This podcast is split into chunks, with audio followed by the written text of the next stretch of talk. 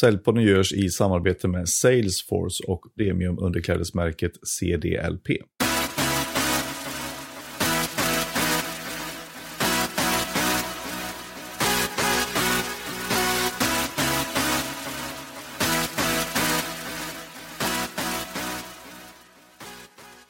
Idag har jag med mig årets talargenombrott och vinnaren av Narrenpriset Charbel Gabro.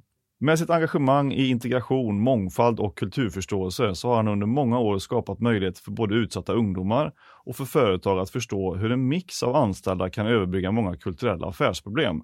Och hur detta engagemang nu gjort att han är mer anlitad än någonsin ska vi prata mer om, så välkommen till Säljpodden Charbel. Tack så jättemycket. När vi möttes för första gången här för är det no en, två månader sedan kanske Mm, nu? två månader sedan. I Stockholm så visade det sig att du och jag har ju kontoret nästan bredvid varandra. helt sjukt. och hade aldrig sett varandra eller visste vilka varandra var. Mm, Och det tyckte jag var, var lite lustigt. Men sen fick jag möjlighet att vara med dig på en föreläsning. mm, Och då förstod jag hur stor roll du har spelat för väldigt många människor och spelar för många människor även idag. Och eh, jag tänkte vi kunde backa lite mm. till början här från eh, tiden i Syrien och flykten därifrån som du var tvungen att göra. Mm. Jag kom till Sverige 86. Till Sverige för min morbror bodde i Sverige. Och eh, varför det blev Sverige har att göra med att min mamma blev sjuk. Hon fick stroke. Så jag är vuxen med en kvinna som har varit förlamad i ja, den tiden jag typ kommer ihåg henne. Mm. Och eh, jag kommer inte ihåg så mycket men jag kommer ihåg sista dagen i, i, i Syrien och då var det som att eh, alltså, hela byn var samlade runt omkring oss och jag fattade ju inte, jag är ett litet barn, jag, jag tänkte att vi ska på äventyr tänkte jag. Men hela byn var, där och det var klagosånger och, och de förstod att eh, mamma blivit allvarligt sjuk och att de kanske aldrig kommer träffa henne. Så eh, var det jag och två av mina syskon, min mamma och min moster som åkte. Och helt plötsligt ser jag folkskaran eh, försvinna från, eh, från min blick. Och eh, rätt vad det var så var vi i Sverige. Det sista minnet från Syrien jag kommer ihåg. Mm. Hur var det att komma till Sverige då? Och första dagen i Sverige var ju också helt fantastisk. Om man tänker på, till skillnad från, från det sorgliga från sista dagen. Då var det att eh, flygplatsen kommer, vi kommer till flygplatsen och eh, så möts vi av något jättekonstigt. Hade aldrig i våra liv sett det. De kommer med en eh, stol som rullar. Till min mamma som ska sätta sig på den. Och det är en rullstol då. då. Mm. Vi hade aldrig sett det och så fick mamma sitta där, hon var så jätterädd och, och sen så när de ledde henne till, eh, jag vet inte vart vi skulle, till taxin eller vad det var. Så skrattade hon, skrattade och skrattade och jag kommer fortfarande ihåg skrattet för det var något helt sjukt. Apropå en ha-upplevelse i mötet med Sverige. Mm. Så både sista dagen och första dagen, eh, sista dagen i Syrien och första dagen i Sverige är eh, både, både sorg och eh, lycka som jag oftast tänker på. Mm. Hur var första tiden då? Kom du till Norrköping direkt då? Ja, vi, Ja. vi bodde i Norrköping eh, och, och um, vi flyttade till Hageby, gjorde vi. Och eh, där bodde ju ganska många syrianer, jag är syrian jag, kommer från mi- kristen minoritet från, från Mellanöstern. Och eh, det var ju, det var ju att man behövde inte lära sig svenska utan det gick ju bra med arabiskan. Mm. Men jag, jag började dagis ganska snabbt och, och eh, kom in, eh, jag tyckte att jag kom in ganska okej i samhället, började spela fotboll och där någonstans formades mitt liv som fotbollsspelare. Eh, Och jag är väldigt tacksam över det. Eh, Men eh, väldigt snabbt så hamnade jag också väldigt mycket utanförskap och, och levde destruktivt när jag, när jag kom upp till tonåren, tyvärr. På vad sätt då? Hittar man ingen bra plats i samhället så skapar man sig någon plats och oftast blir den destruktiv om inte jag känner mig sedd hemma eller ute i samhället. Så jag umgick- umgicks med människor som var som jag, inte heller hade sin plats och skapat en subgrupp och eh, var ute och strulade väldigt mycket. Var ute och festade mycket, drack, slogs, eh, gjorde små brott. Som har gjort att jag, jag blev skadad. Haft eh, spelmissbruk, spelat bort sjukt mycket pengar. Eh, självmordstankar och många gånger stått där. Precis där jag och du har kontoret så finns det ju vatten vid strömmen i Norrköping. Mm. Samma plats som jag njuter av idag, samma plats har jag tänkt så många gånger på att släcka mitt egna liv. Och mycket har att göra med att jag hamnat i utanförskap. eh, Och jag, jag, jag fattar själv inte vad det handlar om. Jag trodde att det var mig det var fel på, jag trodde att det var min familj som var fel och, och att eh, jag är värdelös, att jag är misslyckad och inte hade någonting att ge till, till vare sig samhället eller till, till mitt egna liv. Mm. Och jag tror vi, vi människor är väldigt eh, bra på att eh, stämpla oss själva och trycka ner oss själva. Framförallt när inte livet går så bra som man har tänkt sig. Mm. Och, eh, nu när jag tänker tillbaka till det, jag har pratat jättemycket om det här men det, finns alltid någon sorg i när jag pratar om det. Men jag begick ju, inte självmord. Jag är ju här med dig och får prata och få se fina dig så Nu är vi glada för. någonting har hänt, ja. Vad hände då som gjorde att du tänkte att jag måste göra någonting annat? Men jag kom till ett stadie i livet där jag kände att alltså jag, jag hade bränt så många broar. I relationer, i, eh, i min framtid, i pengar och, och tänkte alltså vad, vad är meningen med livet? Om meningen med livet är att hata sig själv, då, då jag vill inte vara med. Mm. Och så tänkte jag på, okej men vad hade hänt? Vad hade verkligen hänt om jag hade begått självmord? Första människan jag tänkte på det var min egen mamma. Jag vet att hon hade dött säkert på plats. Eh, Och då ställde jag frågan, ska jag vara så pass egoistisk och, och fortsätta skada mig själv så mamma blir ännu mer skadad? Så där, där bestämde jag mig när jag, jag ska, jag ska ge ge er en sista chans, ta tag i mitt liv. Och eh, i samma veva kom jag till tro på Gud, på Jesus och eh, det förändrade mitt liv totalt. Så eh, jag ställde frågan till mig själv, Kärbel, hur vill du vara? Och samma svar har jag än idag. Jag vill vara, jag vill vara en god person. Jag vill vara totalt genomgod. Alltså, typ så god som att folk tycker att jag är helt dum i huvudet, att det är något skumt med mig. Så god önskade jag att jag ville vara. Och det försöker jag också vara idag. Och det är inte alltid det blir så. Det är klart man hamnar i konflikt med folk och alla är inte överens och alla tycker inte om mig och jag tycker inte om alla heller. Det, det är en del av livet men jag försöker ändå alltid eh, vara, vara, vara godhjärtad Mm. mot mig själv först och främst. Och då är det så mycket enklare att möta människor. Eh, om det är dig eller om det är min mamma eller om det är någon person som jag inte har klickat med. Mm. Vad känner du att du har givit dig då, så att säga, i den förändringen och synen på dig själv? Att försöka leva ett liv som är mer godhjärtat än destruktivt. För det första så har jag lärt mig att skala av saker och ting. Jag, jag är väldigt nära till, till, till mina känslor och försöker vara väldigt transparent. Både i mitt yrke men i, även i mitt privatliv. Alla de här måsten som vi är så sjukt bra på att- att paketera i oss själva. Framförallt jag, en man från Mellanöstern, ser ganska hård ut och spelat fotboll, får inte prata djupa frågor.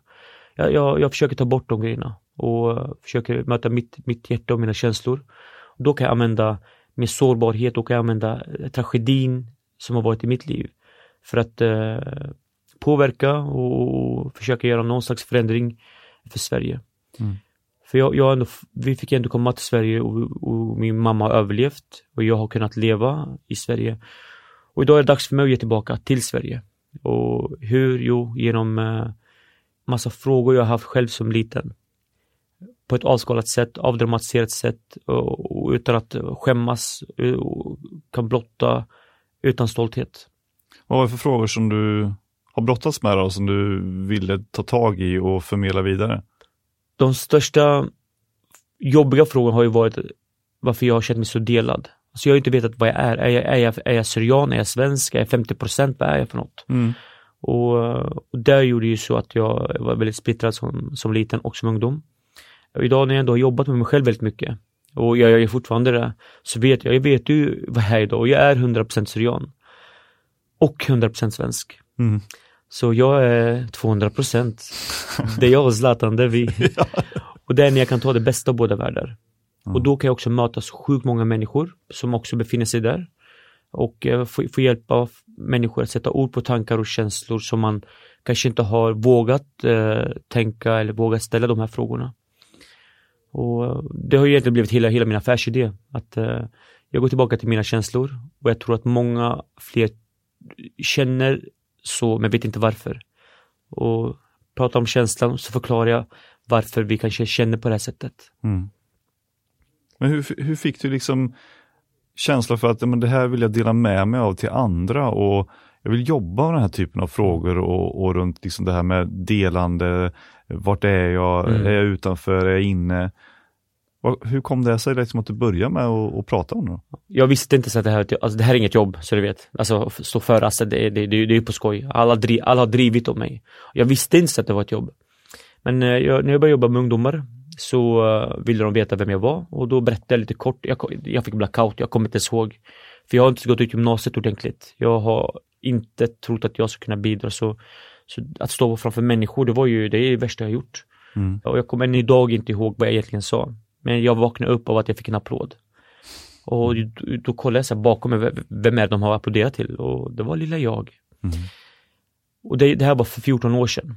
Och någonstans där så väcktes ändå någonting i mig. Folk kom fram efteråt och sa fantastiskt vilken berättelse Charbel, alltså, du levde destruktivt och idag vill du ge tillbaka till människor.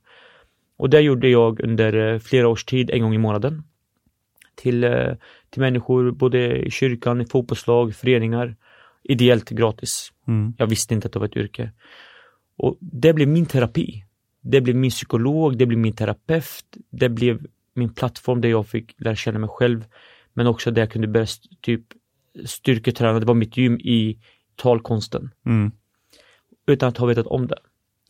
Och eh, efter det så började jag plugga teologi. Jag skulle bli pastor egentligen. Mm. Ja, och tänkte att okay, jag har hittat rätt. Men eh, kände att jag gör mer nytta i, utanför kyrkan på gator och torg, där jag själv är uppvuxen, än vad jag skulle göra i kyrkans värld. Men helt plötsligt hade jag också teologiska kunskaper, jag, jag hade bibelkunskap.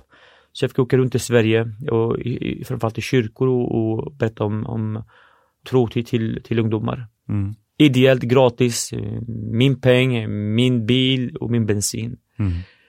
Men en av gångerna så fick jag 500 kronor. Och jag tänkte, jag bara, nej, nej, alltså det, jag kan inte ta pengar. Det, det, det, det är ju skamligt att ta pengar, har jag tänkt i min värld. Mm. Och så, så sa den som gav mig 500 kronor att ja, men det här är för din bensinersättning. Och jag bara okej, okay, ja, tack. Så, så kollade jag hur långt det är att åka och det kostar ju tusen kronor att åka dit typ. Jaha. Jag fick 500 spänn i alla fall. Jaha. Och äh, där någonstans tänkte jag, men alltså det här kanske är, det kanske är ett yrke det här. Jaha. Jag googlade lite och, och så fick se sjukt många föreläsare. Föreläsare som jag såg upp, eh, vad heter det, jag såg upp för Nej, såg upp till dem? Så jag såg ja. upp, jag föreläser som jag såg upp till och började skriva lite till dem och så.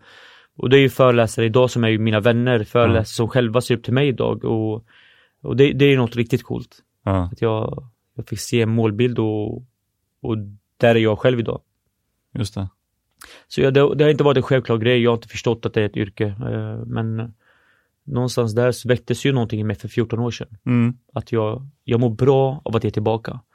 Och det blir mitt sätt att reparera mig själv, det blir mitt sätt att uh, möta det skadade barnet Charbel som uh, inte haft uh, bästa förutsättningar i livet. Just det. Och vad, vad, är det som du så att säga pratar om den ute bland företag och organisationer i dagsläget som du inte gjorde, eller som du, ja, du var ju kyrkor och, och skolor förut då, men vad, mm. vad, har ändrat sig från den tiden till nu? Framförallt så har jag nog förstått att jag har någonting att ge tillbaka till Sverige. Det visste inte jag förut. Jag mm. berättade bara mitt, äh, om mitt liv i början. Men vad jag har gjort är att jag försöker vara en bro mellan äh, invandrare eller mellan nyanlända och äh, mellan etablerade svenskar. Mm. Och där får ju mitt efternamn verkligen lyftas upp. Jag heter Gabro och där kommer bron in och blir helt fantastiskt magiskt. Eh, och bro för mig är eh, kunskap och eh, förståelse. Så för dig, då skulle jag vara invandrarcharbel, berätta om hur det är att komma från, från Syrien, där vi kanske lever väldigt mycket gruppcentrerat och familjen runt omkring, massa människor överallt och det är lite halvkaos och alla skriker och gapar med sjukt mycket kärlek. Och för nyanlända eller för invandrare, då är jag, då är jag svenska charbel. Mm. Då berättar jag om eh, hur, hur vi svenskar lever väldigt individuellt, att inte vi behöver varandra lika mycket, vi behöver inte gruppen. För att i Sverige så betalar vi skatt och skatten i sig bidrar till ett fantastiskt skyddsnät som inte finns i våra länder. Mm. Och våra länder är inte bara Syrien, jag pratar om Mellanöstern och, och, och Nordafrika framförallt. Mm. Så eh, vad jag, vad jag gör är att jag provocerar människor och försöker beröra. Och eh, det, och det, har blivit, det har nog blivit det magiska med mig att när jag berör människor, då kan jag få med dem i, i övningar och i grejer de inte skulle vilja göra. Mm. Så ehm, ja, när man, när, man, när man träffar hjärtan, då tror jag man kan eh, man kan skicka väldigt mycket till, alltså, till, till andra människor eh, från sin egen hjärna. Mm.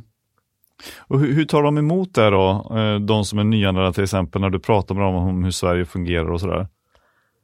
Det är inte alla som tycker om det jag, det jag gör. Eh, Nej. Folk tycker att nu ska komma hit och assimilera oss, han ska komma hit och ta bort vår kultur eller vem tror att han är? Eh, Han, han har blivit försvenskad. Så många störs ju på mig. Men efter att de har fått möta mig och jag får berätta om varför vi är i Sverige och jag haltar väldigt ofta som min mamma på mina föreläsningar bara för att beröra. Mm. Då blir det så att de, de, de får lära känna mig och då är det så mycket enklare för mig att prata om svenska värderingen, svenska lagen och eh, vad, vad, hur, hur vi socialiserar oss i, i Sverige. Mm.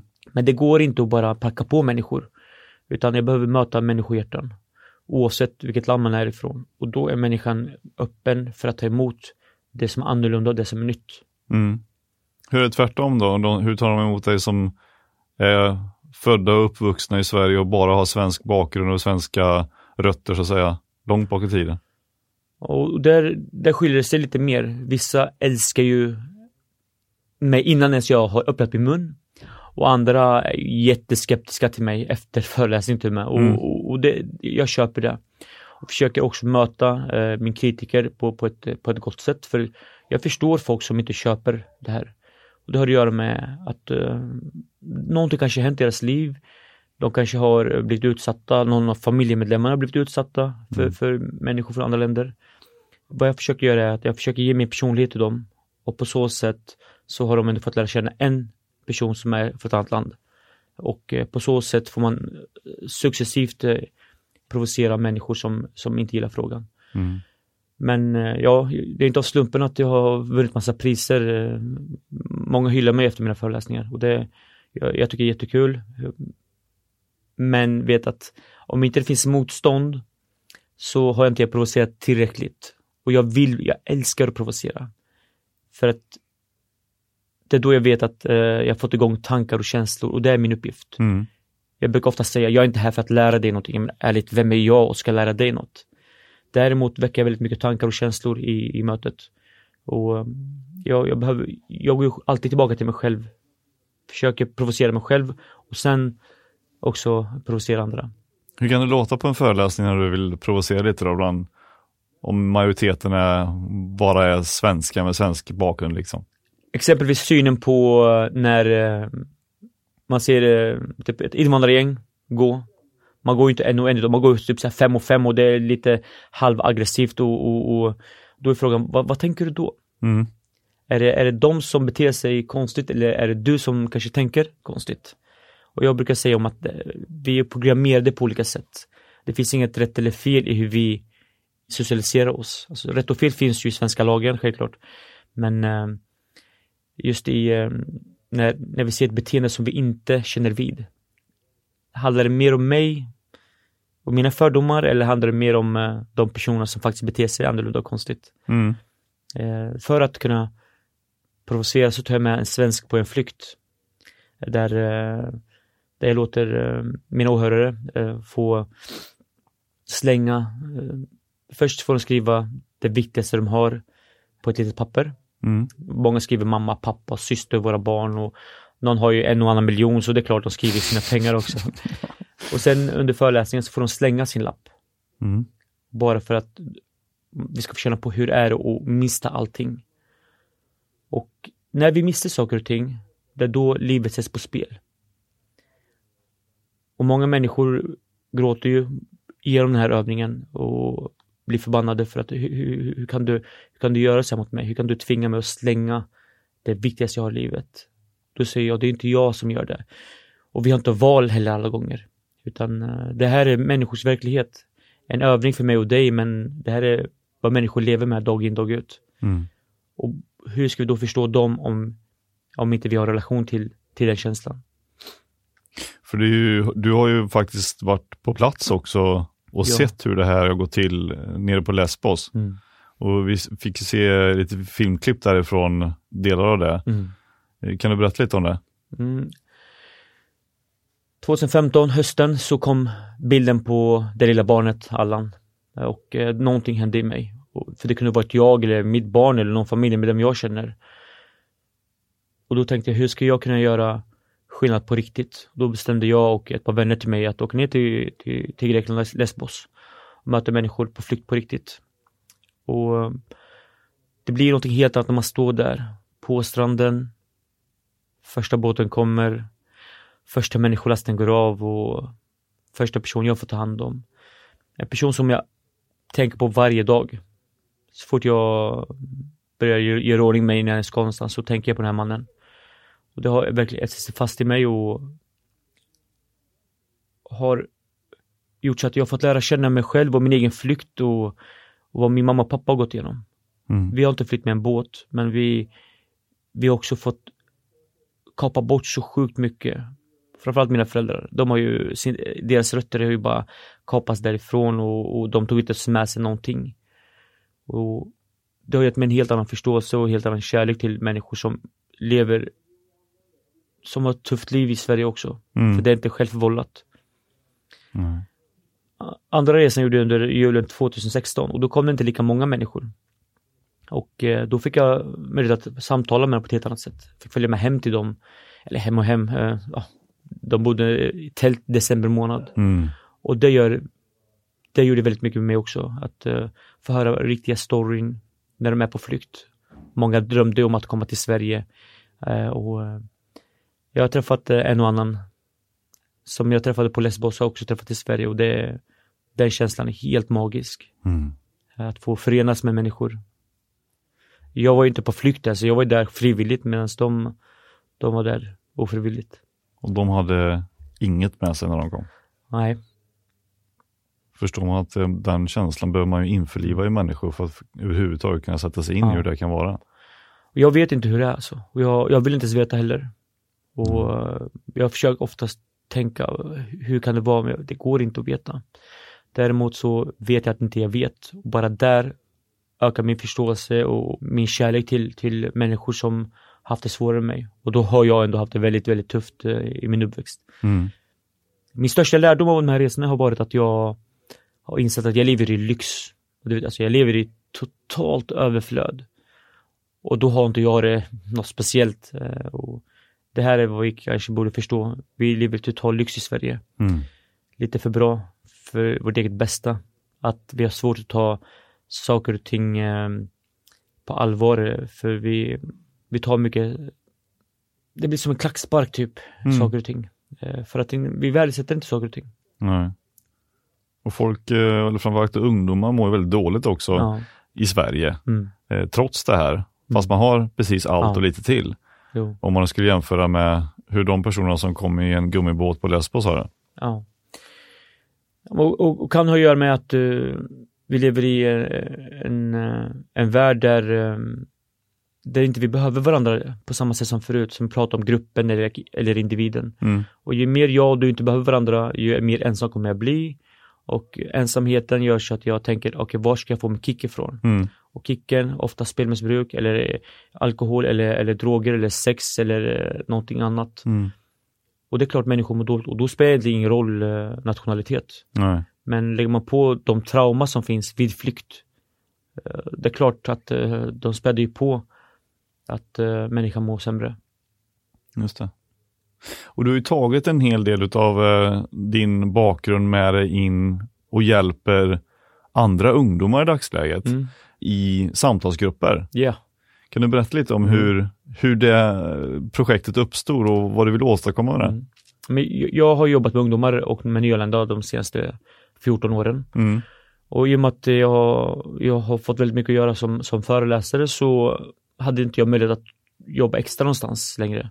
Då, och, och jag saknar ju att ge tillbaka. Jag, jag, jag är kanske lite egoistisk, jag vill se skillnad i människors liv. Mm. Och eh, det har inte jag kunnat göra. För att när jag åker runt i olika städer så det, det, jag ser inte resultatet av mitt jobb alla gånger. Mm. Och då tänkte jag, okej okay, men hur ska jag möta ungdomar på riktigt igen? Jag kan inte ta någon tjänst, okej okay, men då skapar jag någonting eget. Och pengarna, nej men jag får göra det ideellt. Och det funkar bra med, med föreläsandet och då startar vi något som vi kallar för Samtalsringen. Där vi träffar uh, unga killar från Norrköping en gång i veckan. Vi tar bort deras klocka, vi tar bort deras mobil. Och I två timmar sitter vi och bara samtalar.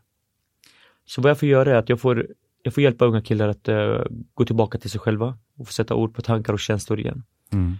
Och det är ju inte, det är inte så att det, det är gulliga samtal utan jag, jag försöker provocera dem också. Och då har vi skapat att de får en fråga, det är ett samtalskort, de får en fråga, typ vad saknar du? Eller vad vill du göra? Vad, vad drömmer du om? Mm. Och utifrån det så ställer jag fler frågor. Oftast leder det till barndomen eller leder till, till någon slags problem eller utanförskap. Mm.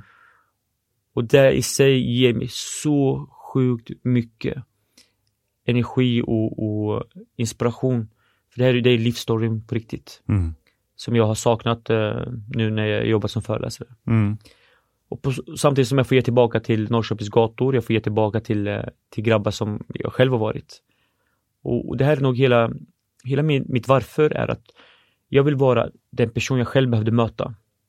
Jag vill vara den person mina föräldrar behövde möta, jag vill vara den person mina pedagoger eller, eller mina chefer behövde möta då jag hamnade i, en kulturkrock. Mm. Och då har jag gjort på mitt sätt och om, vad forskningen säger om det, inte en aning. Jag, jag älskar det i alla fall. Mm. Och jag tror man behöver göra något man, man älskar och någonting man tror på. Och eh, på ett och ett halvt år så har jag sett killar som verkligen levt destruktivt och kriminellt och missbruk verkligen tagit tag i livet. Inte alla självklart. Det går inte att rädda alla men ja, många av grabbarna mår mycket, mycket bra idag. Mm. En ganska billig tidsinvestering för samhället att eh, ha de här grupperna Ja. egentligen. Ja. Och det, det, det coola är att de ställer frågan, alltså, varför gör du det här för Charbel? Mm. Och då, då får de sitta vid mitt kontor och eh, sitta på de finaste platserna i Norrköp, Norrköping och du, du, vet ju vart jag sitter. Mm. Och de frågar mig alltså, varför gör du det här? Jag fattar inte varför du gör det här. Och det är då jag får beröra dem också och säga att jag önskade att du mötte mig när jag behövde det här. Mm. Och det är det på sikt gör så att de själva också känner att men jag har fått hjälp idag, jag kommer kunna hjälpa någon annan en annan dag. Att det finns en möjlighet att, att komma in i sådana här kontorsutrymmen och, Ja. och få vara någonting annat än på, på gatan. Mm. Och det handlar om att öppna upp och det är för mig inkludering, det är för mig integration som inte är politiskt utan det är person för, för alla oss som bor i, i Sverige och tänker vi på hur, eh, hur mycket näringslivet skulle kunna göra. Är det, alltså är det någon som verkligen kan öppna upp på riktigt så är det näringslivet. Mm. Fyra av fem jobb eh, skapas ju av eh, små och medelstora företag Mm. och bara, bara det gör så att eh, vi, vi, kan, vi kan rusta upp ännu mera. Men vi behöver förståelse först. Vi behöver förståelsen gentemot vem vi kan anställa men, men också gentemot vilka, vilka kunder vi inte har idag som vi skulle kunna få så småningom. Mm. Det har ju kommit eh, flera hundratusen personer till Sverige. Och de, alltså det är ju det är människor som, som också konsumerar. Men Mm, eh, många företag har inte hittat just eh, den eh, kundstocken. Vad är tipset till dem då? Det första är nog att eh, försöka forska i eh, hur, hur, alltså vilka produkter köper man i hemlandet Ja. och vilka produkter finns inte i Sverige idag, alltså vad, är behoven? Ja. Nummer två kanske är också att eh, kanske anställa någon som eh, pratar ett annat språk. För den personen i sig har ju en jättekunskap i hur det faktiskt har varit i hemlandet. Mm. Självklart är språket väldigt viktigt här. Men eh, att man blir, att man, man har en förlängd arm till, till eh, nyanlända genom att anställa någon som kan deras språk. Det tror jag är en eh, jätteframgång. Och jag tror många företag har eh, väldigt mycket att vinna på om, om man tänker mer på hur kan man anpassa sin, eh, sin verksamhet till nyanlända och inte ta bort det som finns idag, tvärtom, utan lägga på eh, en produkt eller någon slags verksamhet Mm. för att nå den här gruppen som är utanför. Och det i sig gör så att Sverige kommer att må så mycket bättre. Mm. För hellre att jag är skattebetalare än bidragstagare. Mm. Men då måste också näringslivet öppna upp på riktigt. Just det. Och vad blir reaktionerna liksom när du är ute och föreläser de här sakerna för företag? Förstår de det här eller är det som blir en aha-upplevelse att shit, vi är ju ingenting av det här? Ja, men delade meningar. I, eh, ja, i förrgår så föreläste jag på ett event och eh, så var det en kvinna som sa bara Vet du, det här borde jag hört för tio år sedan. Mm. Då hade jag inte gjort så många misstag och då hade verksamheten blivit så mycket bättre för mig. Mm. Och för tio år sedan fanns det inte sådana som mig. Det har ju tagit tid för mig själv att paketera mina, mina ord eh, och min erfarenhet. Medan många tänker, eh, många blir bekräftade för, för folk har ju börjat inse att det här, det här är ändå något som vi, vi behöver satsa på. Mm. Och bekräftelsen i sig är också väldigt skönt för företag. Att man tänker, men jag, jag, jag, jag håller på med rätt sak. Mm. Många tycker att eh, frågan är ganska svår och stänger dörren. Mm. Och, och jag förstår det, för man är inte redo. För det, är, det är en process det här. Mm. Och om inte ledningen är öppen för frågan, då, då ska man inte göra det. Nej. Så, ehm, och mitt mål i år är ju att försöka möta så många chefer och eh, människor i näringslivet som, som ändå har ledande positioner. För att eh, det är de som kan öppna upp på riktigt. Men om vi tar några exempel då på typiska nyttor som företag kan applicera direkt på sin egen verksamhet efter att du har varit där. Vad skulle det kunna vara då? Mm. Eh, Ett exempel är, låt säga att det är en eh, arbetsintervju och eh, jag kommer in och eh, jag, jag kanske inte möter chefens blick. Eh, och då kanske man tänker, ja ah, men det här är en osäker människa, eller nej det här, den här personen kan vi inte anställa. Mm. Det finns ju en förklaring till varför man kanske inte tittar i ögonen och det har att göra med att eh, i många kulturer så möter man inte chefens eh, blick. För hur ska jag som söker ett jobb möta chefens blick? Hur ska jag utmana blicken? För det, vi pratar hierarki nu. Mm. Och man är väldigt styrd av chefen och chefen är ändå den som styr, ställer och bestämmer. Därför kan inte jag möta din blick. Av ren respekt. Det är inte orespekt utan det är respekten. Och, och vördnaden och lite fruktan självklart. Mm. Eller eh, gentemot eh, ett kön. Det är inte alla gånger man, man möter det motsatta könets blick. För det kan associera till någonting eh, sexuellt kanske. Och, eller eh, en äldre person. Jag, jag kan inte möta din blick för att en äldre person innehar kunskap, innehar auktoritet också makt. Mm. Och bara för att jag ska vara en fin människa så möter jag inte dig skarpt i min blick utan tvärtom. Utan jag tittar lite lågmält för att visa, jag respekterar dig. Mm. Fördelen med att eh, anställa människor som är från andra länder är framförallt att man får väldigt lojala medarbetare. Mhm. Många av, av oss har inte bytt massa jobb utan man kanske värver pappas jobb. Och det är inte som i Sverige, man byter efter, eh, efter tre, fyra år ska man byta jobb eller någonting sånt. Nej, man, man gör inte det utan är du frisör, du dör med den där saxen. Mm. Eller eh, byggarbetare eller vad det nu kan vara. Så det företag som öppnar upp och ger första jobbet till en person kommer ju ha en jättelojal medarbetare. Mm. Och eh, man, det finns statistik på att visa på eh, sjukskrivningar och så. Men jag, har, jag har varit sjukskriven en vecka under hela mitt liv. Mm. För att man är inte sjukskriven. Man är inte van vid de här systemen. Så man, man krigar på. Mm. Och det är självklart en säkerhetsrisk. Men eh, alltså lite små förkylning och sådana grejer, nej, man är inte sjuk utan eh, man, eh, man krigar på gör man. Mm. Så företag har ju väldigt mycket att vinna, vinna med, med mångfald i, i sin arbetsgrupp.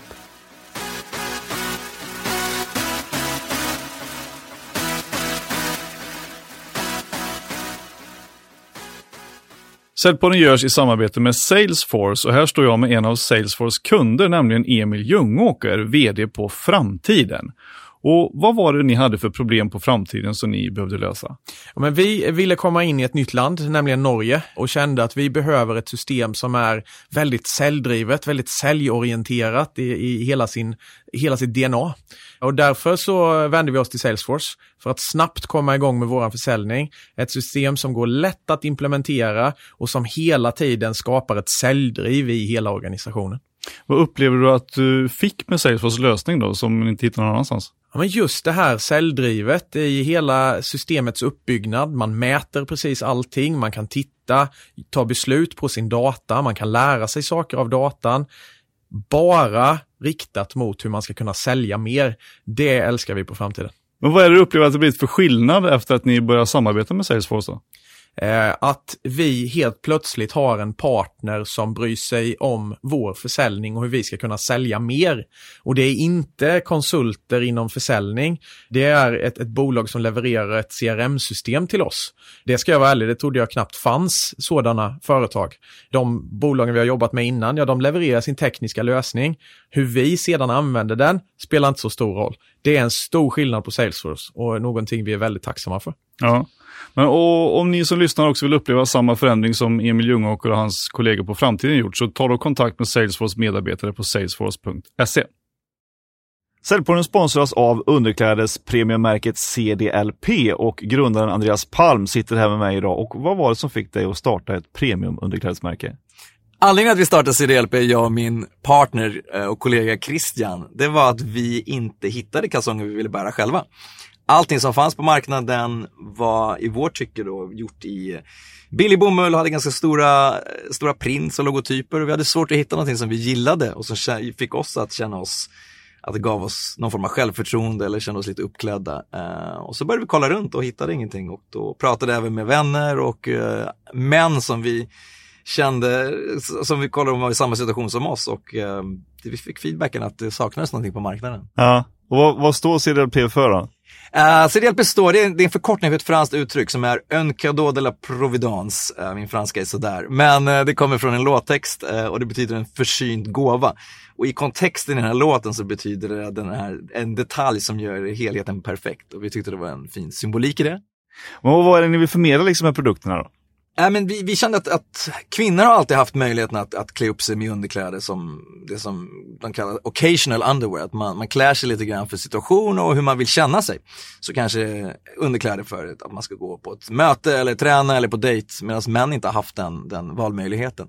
Utan man har ofta haft en ganska sorglig kalsonglåda med liksom utslitna kalsonger och någon dejtkalsong kanske. Så det vi vill starta från början var egentligen att erbjuda en, en kalsong som eh, och i högre kvalitet, som andas, som är miljövänlig, som är stilren och inte skriker om man, om man ser liksom eh, den här waistbandet då, eh, som sticker upp ofta från, från mäns eh, byxor. Och sen vill vi också med det förmedla en, en presentera en, ett lite annat narrativ kring manlighet där det tidigare bara varit rutor på magen på 22-åriga fotbollsspelare. Så försöker Christian då, min kollega som är creative director, porträttera manlighet på ett lite eh, mer bredare och inkluderande sätt. Hur gör man då om man vill eh, uppdatera sin kalsong och strumplåda här med lite CDLP-produkter? Enklaste sättet är att gå in på cdlp.com. Uh, vi har fyra stycken modeller plus långkalsonger. Storsäljaren är Boxer Brief, både för oss och alla märken runt om i världen. Det är den här tajtare kalsongen med lite längre ben. Så storsäljaren är uh, den i svart, många gillar även blått eller army green. Och uh, anger man koden Saljpodden när man checkar ut så får man 10% på hela sortimentet. Grymt! Gå in och gör det idag. För när vi, när vi pratades för några veckor sedan, så frågade jag, när jag frågade om du ville vara med här i ett avsnitt, så sa mm. du att men vadå, det, det handlar ju om försäljning, jag, jag har inte aldrig sagt någonting. Ja. Och sen så visade det sig att du har ju verkligen, verkligen jobbat med försäljning ja. genom att försöka få in den här typen av kunskap och, och, och, som föreläsningar till näringslivet och organisationer för att mm. göra en förändring. Hur gick det liksom säljarbetet till? Ja, nej men jag blev chockad när du frågade mig om jag ville vara med. Jag bara, ja, vadå sälj? Jag, jag behöver själv gå i säljskola tänkte jag.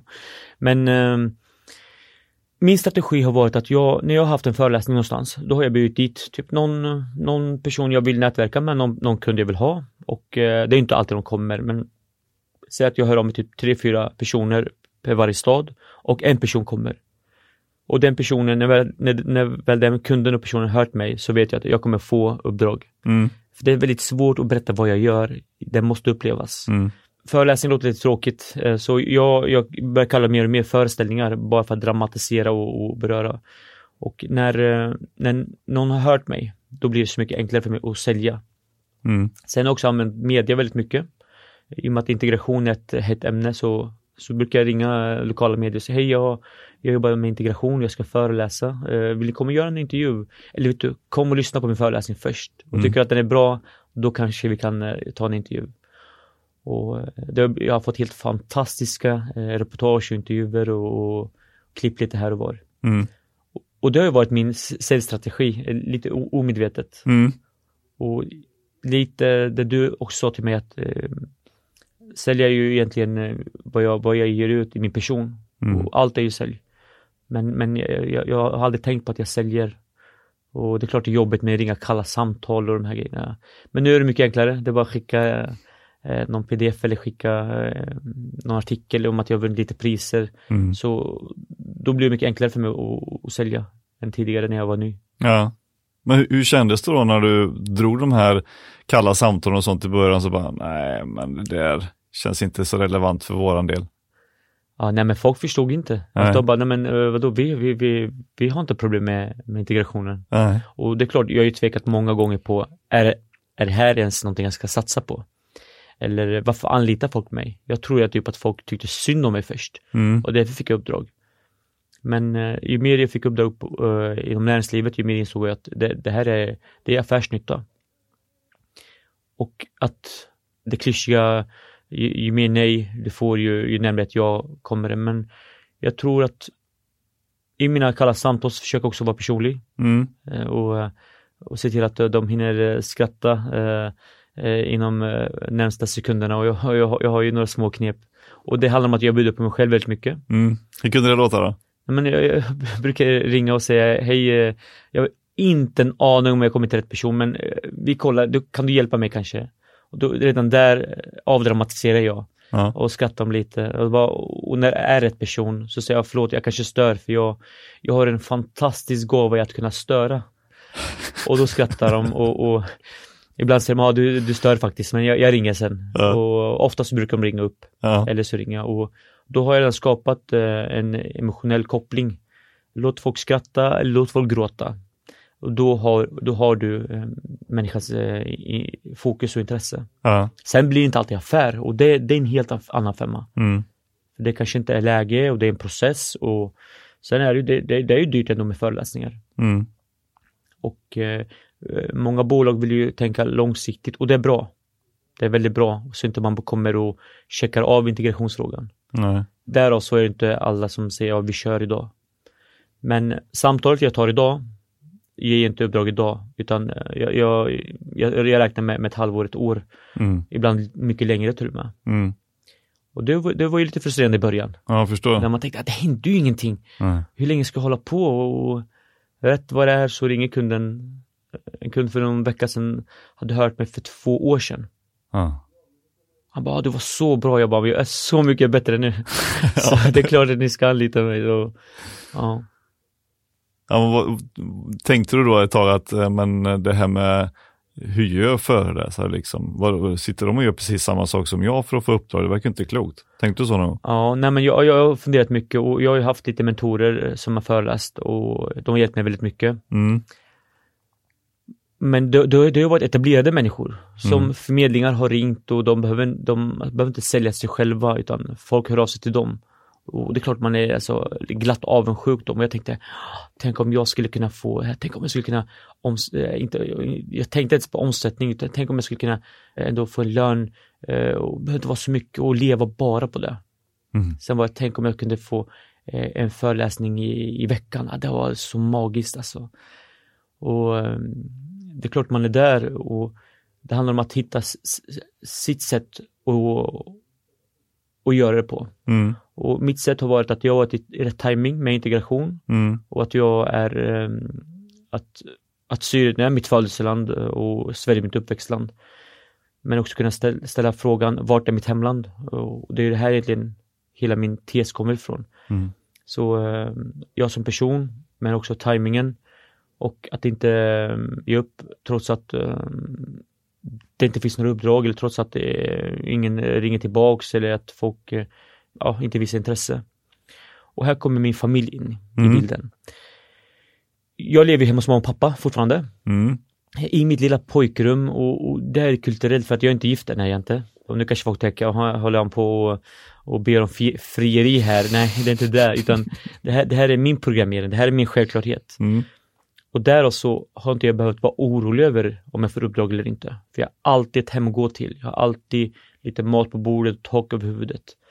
Så när jag, när jag sa upp mig från mitt tidigare jobb, där jag jobbade som livscoach, så gjorde jag det med att jag visste att livet kommer ordna sig för mig. För att gruppen återigen är där, stöttar, hjälper, fixar. Och det har tagit sin tid eh, och idag så får jag ge tillbaka till, till gruppen. Jag får eh, ge det mina familjemedlemmar behöver idag, om det är ekonomiskt eller om det är av eh, annan expertis de, de behöver. Mm. Så jag är så tacksam att gruppen finns. Men lika mycket som gruppen är bra för mig kan gru- gruppen vara jobbig mot mig. För när jag sa upp mig så blir mamma glad. Hon bara, ah, äntligen ska han bli eh, läkare, för mamma ville att jag skulle bli läkare. Mm. Bara, och så kom jag hem och jag bara, nej mamma, jag, jag, ska, bli, jag ska bli actor. Hon bara, nej min son, du uttalar det fel, det heter doktor, inte aktor. mamma ville inte att jag skulle börja jobba som föreläsare. Nej. För det är inget yrke, det är inget jobb, det är, Det är bara pajaser som håller på med, med att stå på scen och vadå prata och ska du få betalt och vem är du för att prata? Ja. Så det har jag också fått kriga med, med familjen och med mycket nära och kära. Ja, okej. Ja, det är ju en sån grej som väldigt många liksom får göra hemma med de nära och kära som man tror ska stötta en så mycket som möjligt när man själv känner att jag brinner för någonting, jag vill göra detta, Mm. det här är min passion. Mm. Och så säger de att nej, det ska du inte Ja. göra, Gör, klipp dig och skaffa ett jobb Ja, och en utbildning först. jo. Men jag vet inte hur, eh, din, hur folk var inställda mot dig när du tänkte att du ska starta den här podden. Det kanske var samma sak eller? Ja, eller eh, egentligen från när jag startade eget från början så var det så här, vänta lite nu ska du verkligen starta eget, du Ja. som har ett sånt bra jobb. Du ser. Ska inte du bara fortsätta med det? Ja. Det, det är ju otryggt, du vet, att Ja. göra det kommer en, nej. Och det var ändå så, liksom mina närmsta som borde vara de som stöttar en. Och det här hörde jag något väldigt bra av eh, Paolo Roberto faktiskt i en av eh, poddarna.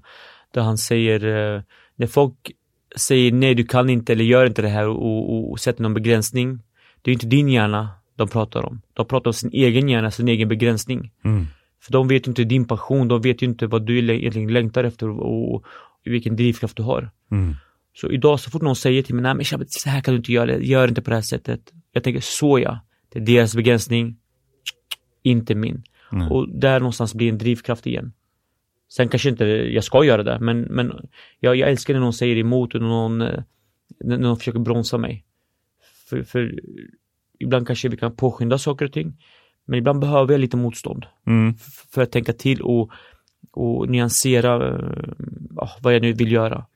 Men jag gör ändå alltid det som finns i min hjärna och jag, jag är en person som tänker, ah, men jag, jag, jag vill gärna ha feedback och jag, vill, jag lyssnar gärna.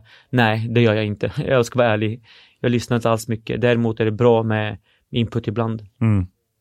Kanske låter konstigt det jag säger det, men det, är så, så funkar i alla fall. Ja. Och man kan säga så här, det har ju gått ganska bra.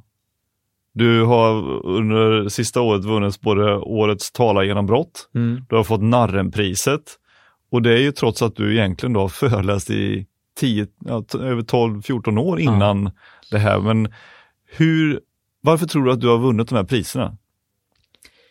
Mitt ämne, nummer ett. Mm. Nummer två, att jag gör det lilla extra.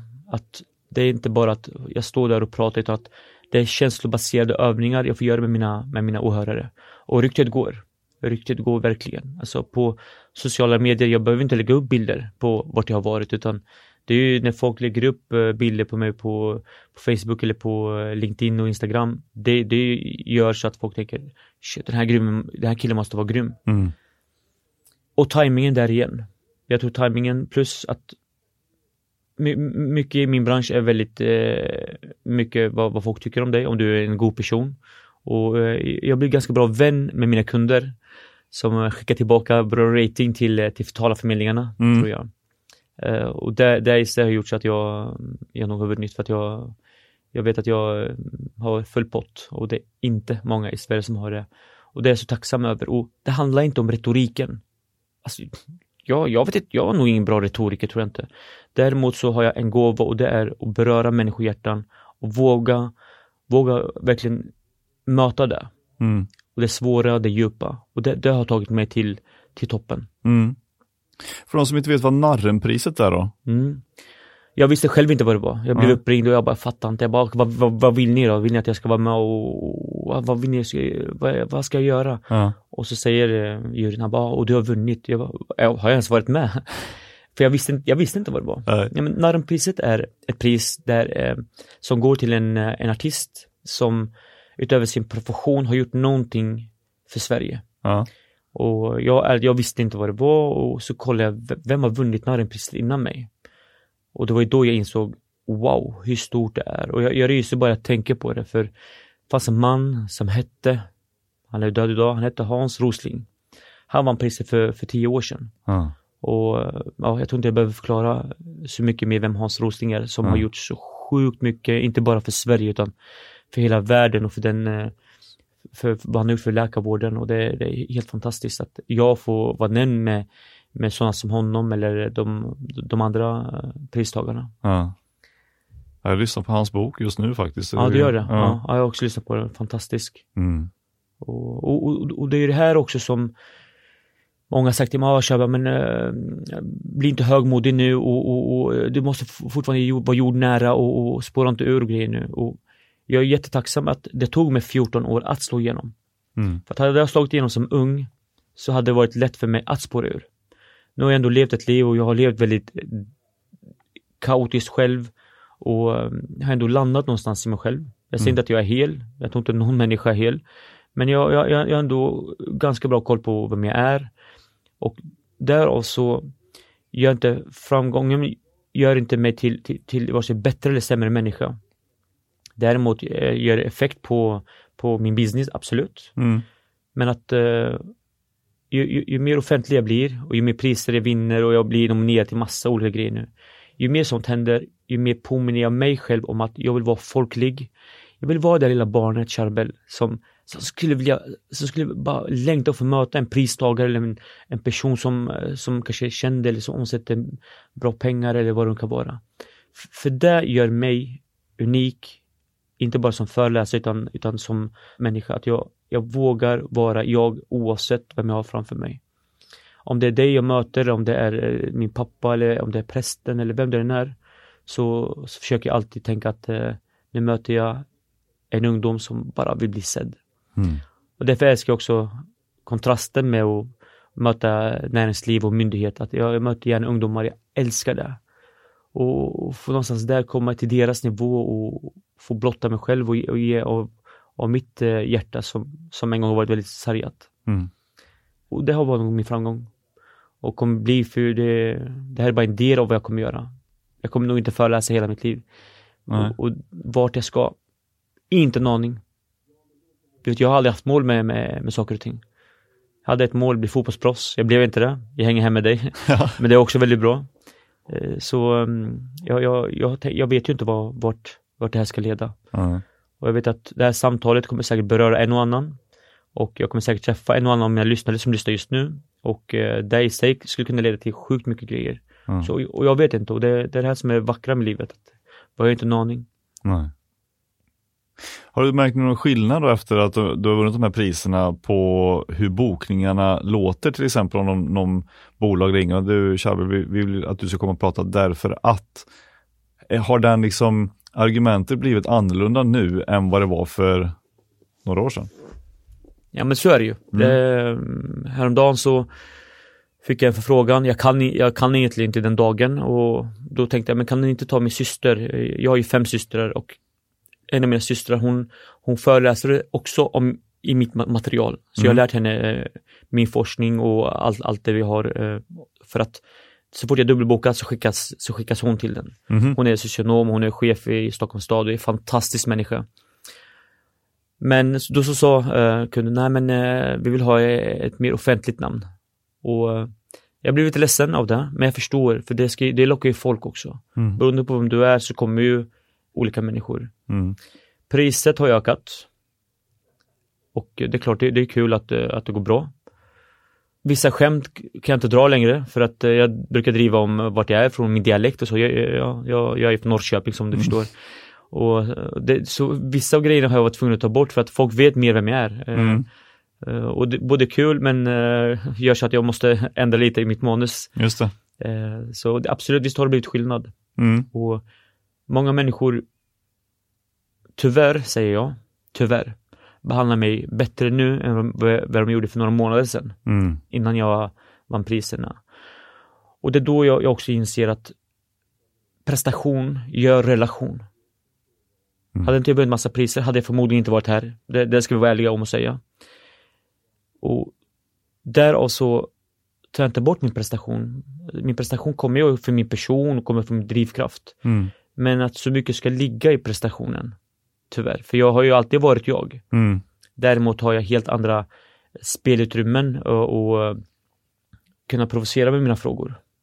Så det, det, finns en liten sorglighet i att man har blivit lite offentlig och att man har lyfts upp och vunnit lite sånt. Just det. Och det är ingenting jag, alltså, det är inget jag tänker på. Jag, jag går aldrig och säger, ja ah, det, är, det är jag som är pristagaren. Nej.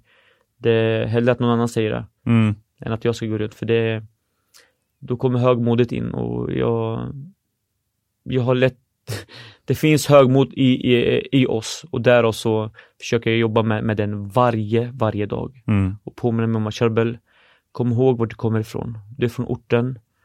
Du har inte haft några förutsättningar. Nu kanske du är eh, i toppen av din karriär men kom ihåg eh, var, vart, vart du också har varit. Och det blir min energi Mm. till människor. Apropå det då med, med din bakgrund och sådär, vad, vad tänker du liksom när du är ute och, och träffar ungdomar som har haft en, en lika tuff bakgrund som du har haft? Mm. Vad upplever du liksom att Sverige har gjort för fel här i integrationsarbetet för att det här gång på gång händer? Mm. Jag tror det är svårt att prata om rätt och fel. Däremot vet jag att alla vi har inte samma förutsättningar. För att vi kanske bor i socioekonomiska områden där eh, jag kanske bara bor bland massa invandrare. Där mina föräldrar kanske inte har kommit in i arbetslivet, där de inte har kunnat lära sig språket. Och om inte man kommit in i det svenska samhället, då kan inte heller föräldrarna uppfostra oss på ett svenskt sätt, utan då blir det som att vi bor kvar i Syrien eller i Somalia eller vart vi kommer ifrån. Men enda skillnaden är att eh, vi får eh, vi får bidrag från, från, eh, från staten men vi lever kvar i våra subgrupper. Mm. Så jag tror att den här segregationen har gjort så att eh, Sverige inte utvecklas i den mån den, den skulle kunna göra. Du skulle exempelvis behöva bo i Hageby Mm. och inte i, eh, i fina Söderköping och inte för att det är någonting fel med Söderköping. Däremot hade flera av oss kanske behövt bo i ett eh, område där det finns mer svenskar. Mm. Men återigen, jag tror eh, jobb gör så att vi lär oss språket, som gör så att vi kommer in, att jag och du kan bli vänner, för vi är ju vänner utöver att du ska intervjua mig här. Mm. Men det hade inte hänt om inte jag hade kunnat språket, om inte jag hade haft ett jobb. Eh, Och det i sig påverkar också ungdomarna. För att Mm. eh, jag menar, om min pappa aldrig jobbat, alltså, jag kommer inte vilja jobba. Jag, jag har ingen förebild och därför är det livsviktigt att kunna ge rätt förutsättningar till föräldrarna. Mm. Med kunskap, med, med förutsättningar och med förståelse för mina föräldrar har inte heller förstått livsstilen i Sverige. Nej. Och och det är inte, jag är inte taskig mot mina föräldrar. Jag, jag, jag, jag kla- anklagar inte svenska systemet för det. Men eh, de har ju varit fullt upptagna med sitt kaos, mina föräldrar. Mm. Att de aldrig kunnat ta sig in på riktigt. Och det, och det påverkar mig som barn. Ungdom. Mm. Hur, hur tycker du att de borde resonera mer i, på, på, från politikerhåll istället då? Politikerna tycker jag borde bli mer pålästa. Mm. Det är ju inte många politiska partier som har eh, bjudit in mig. Det, det, det är ett fåtal. Mm. I Norrköping bara, inte alls många andra. Och nu det handlar inte om att jag ska överallt, nej. Men eh, jag tror många politiker inte har koll på frågan. Mm. Och det är nummer ett. Kunskap och förståelse från båda håll. Alltså, även, alltså, invandrare och nyanlända behöver lära sig. Men lika mycket behöver också svenskan lära sig för att det ska kunna bli någon slags bro och brygga på riktigt. Nej, men jag, jag, jag, jag tror det är, det är nyckeln, kunskapen. Mm. Och därefter så, alltså varje stad eh, behöver ju hitta sina egna lokala lösningar, tror jag. Eh, det finns inte, gör på det här sättet, utan eh, man, man, får, hit, man får kolla till, till sin egen verksamhet eller till sin egen stad, Mm. tror jag. Det är klart det är en trygghet på, i mångt och mycket att flytta till ställen där man vet att andra kan ha bott det kanske ett tag och man kan samma språk och som kan hjälpa en på ett annat sätt än att man ska flytta ut på landet i, i Värmland där Ja. det inte finns några som pratar samma språk. Ja, men kolla hur svenskan gör i Gran Canaria. Jag var där för inte så länge sedan. Alltså det är ju, det är ju, det är Sverige där. Mm. Jag besökte den svenska skolan, alltså det var ju, det var så vitt och det var, så, var typ så lite barn i Billerby-känsla och Mm. det, det var vackert på ett sätt. Så var det en invandrartjej, alltså hennes föräldrar är svenskar som var där och det, så det blev mångfalden i det. Och det, var, det var fantastiskt att se för att det är så vi också gör. Mm. Att man drar sig till, till sina nära och kära eller Absolut. folk som liknar en och det, det är så vi människor gör. Ja. För om vi går tillbaka till hur vår vänkrets ser ut. Vi, vi tar mig och dig. Men vi umgås ju oftast med folk som är som oss själva. Ja. Av trygghet, av någon slags överlevnadsinstinkt och vi kanske inte känner någon annan som inte är som mig. Och nu börjar det inte handla om att jag, det är inte bara invandrare jag pratar om utan jag som syrian kanske inte har någon somalisk kompis. Nej. Eller känner någon som är, från ett annat land eller har en annan religion. Återigen, trygghet, trygghet, trygghet. Mm.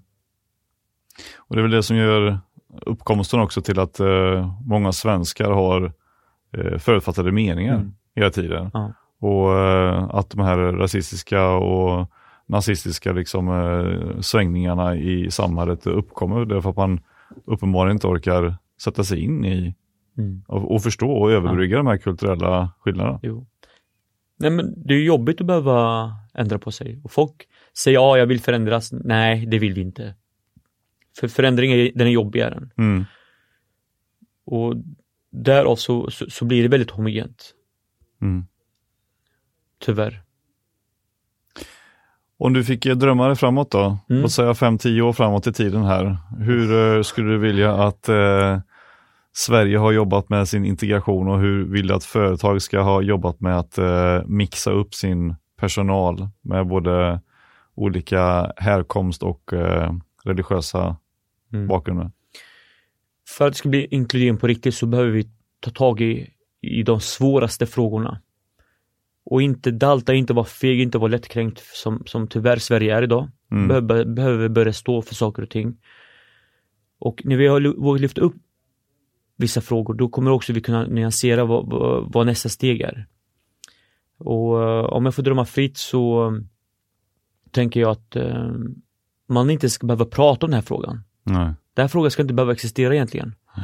För att det ska vara så självklart att eh, jag kan befinna mig i alla branscher, i alla sammanhang. Mm. Att min granne ser helt, helt likadan ut. Men då handlar det om att då behöver vi också respektera den svenska lagen.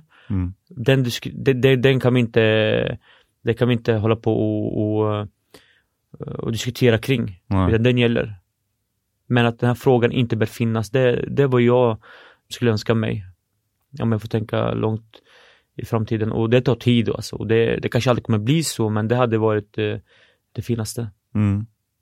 Det fina slutord på den här intervjun. Ja, ja, och jag har nog aldrig, jag har nog aldrig eh, kommunicerat ut det på det sättet, men att, att fråga inte ska finnas. Mm. Tack för att du lät mig sätta ord på det. Ja, Mm. och stort tack för att du tog dig tid att vara med i Cellpodden. Ja, tack själv. och få en inblick i hur, eh, hur din föreläsarvardag är och hur du har jobbat med dina Mm. föreläsningar och hur du vill beröra både ungdomar och företag att eh, göra en förändring. Mm. Tack så jättemycket själv. eh, Givande för, även för mig. Tack!